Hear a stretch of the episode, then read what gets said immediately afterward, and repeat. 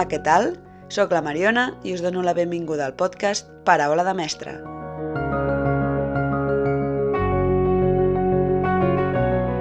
Després d'uns mesos d'aturada, iniciem el curs escolar amb la intenció de reprendre aquest projecte, amb el qual tinc moltes ganes de seguir compartint i aportant idees, recursos, consciència i arguments de per què és important que els infants i les seves famílies tinguin i adquireixin uns bons hàbits saludables, els quals beneficin la seva salut.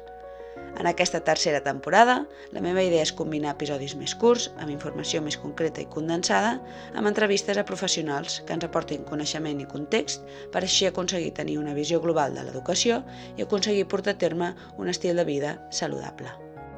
Tota la informació que s'aporta en aquest episodi està basada en estudis científics, que us deixaré a les notes de l'episodi. Comencem! L'obesitat infantil és una epidèmia a nivell mundial que pot condicionar en gran mesura la salut física, psicològica, social i el desenvolupament de la societat en el present i el futur. Aquesta produeix un impacte negatiu en la salut, tant durant la infància com a l'etapa adulta, i constitueix en si mateixa un factor de risc per ser un adult amb obesitat. Segons diferents estudis, la salut de l'adult depèn de l'establiment d'hàbits saludables durant la infància.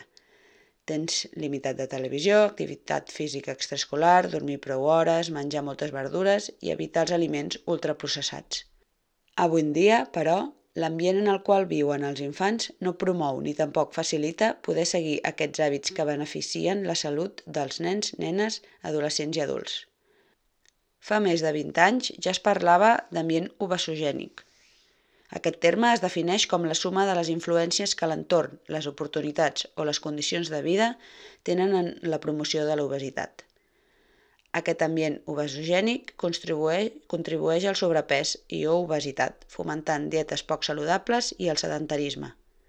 Per als nens i nenes, això significa que tenen fàcil accés a aliments poc saludables i begudes ensucrades, a instal·lacions recreatives, pocs espais naturals per caminar i poc accés a les instal·lacions esportives. La infància és l'etapa evolutiva on s'estableixen les bases per adquirir hàbits conductuals d'autonomia parcialment relacionats amb la salut. Durant les diferents etapes vitals, l'ésser humà aprèn en funció del seu desenvolupament evolutiu i alhora també pels escenaris d'aprenentatge que li proporciona el context social. Segons diverses investigacions, els nens a partir de 5 anys poden prendre decisions valorant algunes de les conseqüències que se'n deriven, aquesta capacitat per planificar i prendre decisions es consolida en l'adolescència, moment en què el pensament abstracte es considera plenament desenvolupat, i amb això les funcions executives. Per tant, segons la, la psicologia evolutiva i la neurociència, es podria esperar que hi hagués una relació positiva entre els hàbits saludables i l'edat. Per aquest motiu, l'obesitat infantil i el sobrepès s'han convertit en un dels problemes socials i de salut més grans del segle XXI. El 2016, a nivell mundial, hi havia més de 340 milions de nens, nenes i adolescents amb sobrepès o obesitat. 340 milions, repeteixo. A més, l'obesitat infantil ha estat considerada per l'OMS com una epidèmia global i com un dels factors de risc més preocupants per la salut humana a les properes generacions. De fet, es tracta d'una de les problemàtiques de salut més prevalents a nivell mundial entre la població infantil i adolescent ja que aquesta afecta a 124 milions, als quals se sumen 216 milions que presenten excés de pes. Si es manté la tendència, el nombre de lactants i menors de 5 anys amb excés de pes augmentarà fins als 70 milions al 2025. A més, en l'actual situació de pandèmia de malaltia per coronavirus, adquireix una rellevància especial pel fet que l'obesitat representa un factor de risc per un Covid greu. D'aquesta manera, la detecció precoç de l'excés de pes i la seva prevenció durant la infància són fonamentals per aconseguir més impacte en la salut i contribuir al manteniment del pes correcte des de la infància i durant tota la vida. Identificar hàbits relacionats amb el sobrepès i l'obesitat en les primeres etapes de la vida pot ajudar a definir estratègies preventives davant d'altres afeccions, com les malalties cardiovasculars i metabòliques durant l'edat adulta. A Espanya, com a altres països europeus, la prevalència de sobrepès i obesitat ha crescut de forma sostinguda en les quatre últimes dècades.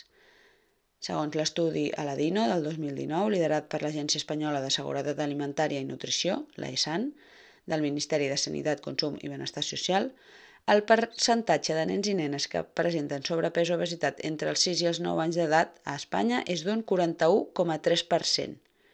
És a dir, quasi bé la meitat dels infants d'aquesta edat tenen sobrepès o obesitat. Quasi bé la meitat.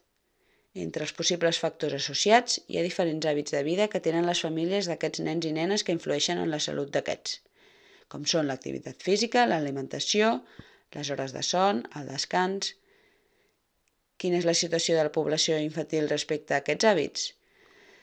Doncs segons els resultats de l'estudi Passos del 2019, dut a terme per la Gasol Foundation, només un 36,7% de la població infantil i adolescent compleix la recomanació de l'OMS de mínim 60 minuts diaris d'activitat física moderada o vigorosa. L'incompliment de la recomanació d'activitat física és més gran en el gènere femení que en el masculí i també és més gran en la població adolescent respecte a la població infantil. Convé, doncs, promocionar l'activitat física quotidiana tant en el temps escolar com en el temps de lleure i oci, ja que els nens menys actius i que passen més temps davant la televisió als 4 anys d'edat tenen més risc de patir sobrepès, obesitat i síndrome metabòlica als 7 anys.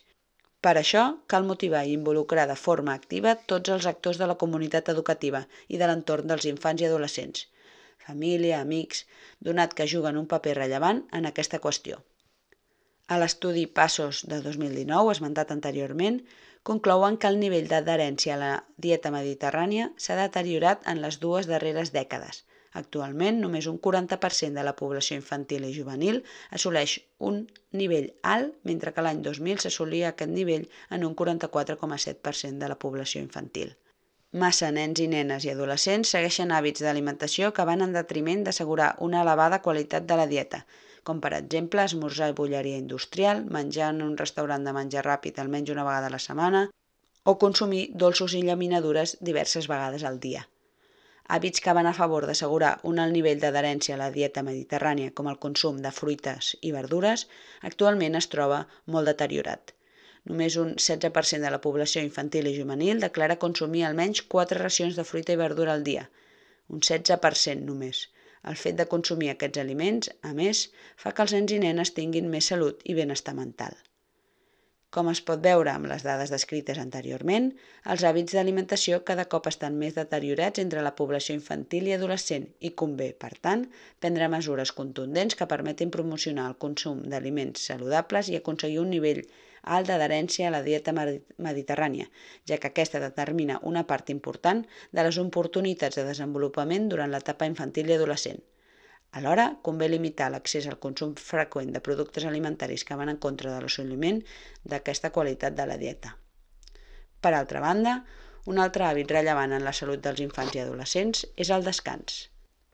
La mitjana d'hores diàries de son entre setmana dels nens i nenes i dels adolescents és de menys de 8 hores i està per sota del límit mínim que indiquen les recomanacions de la National Sleep Foundation, que és de 8 a 13 hores en població infantil.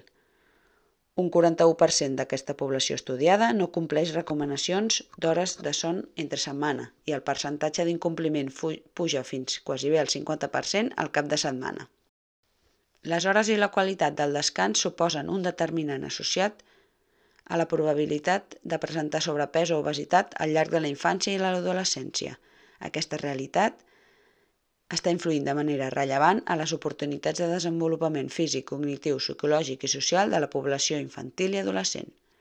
Tot i que hi ha ja multitud de programes i intervencions dissenyades per millorar les dades esmentades d'obesitat i sobrepès infantil a nivell mundial, les quals són crucials en un context obesigènic on, malgrat els controls per part d'organitzacions nacionals i internacionals i eines per filtrar informació enganyosa i de baixa qualitat a la població infantil, la clau continua sent l'educació en hàbits saludables a la població en general i als pares i mares en particular. Per tant, els majors esforços s'han de dirigir a potenciar unes bones rutines diàries de descans i exercici físic a les famílies i a donar-los els coneixements necessaris perquè facin una bona elecció dels aliments que donen als seus fills i filles. Per tant, com hem vist, que els infants adquireixin els hàbits saludables representa un gran repte perquè no sempre es compta amb la informació adequada per fer-ho bé i de vegades el més fàcil és deixar-se portar per, hàbits que no són necessàriament correctes.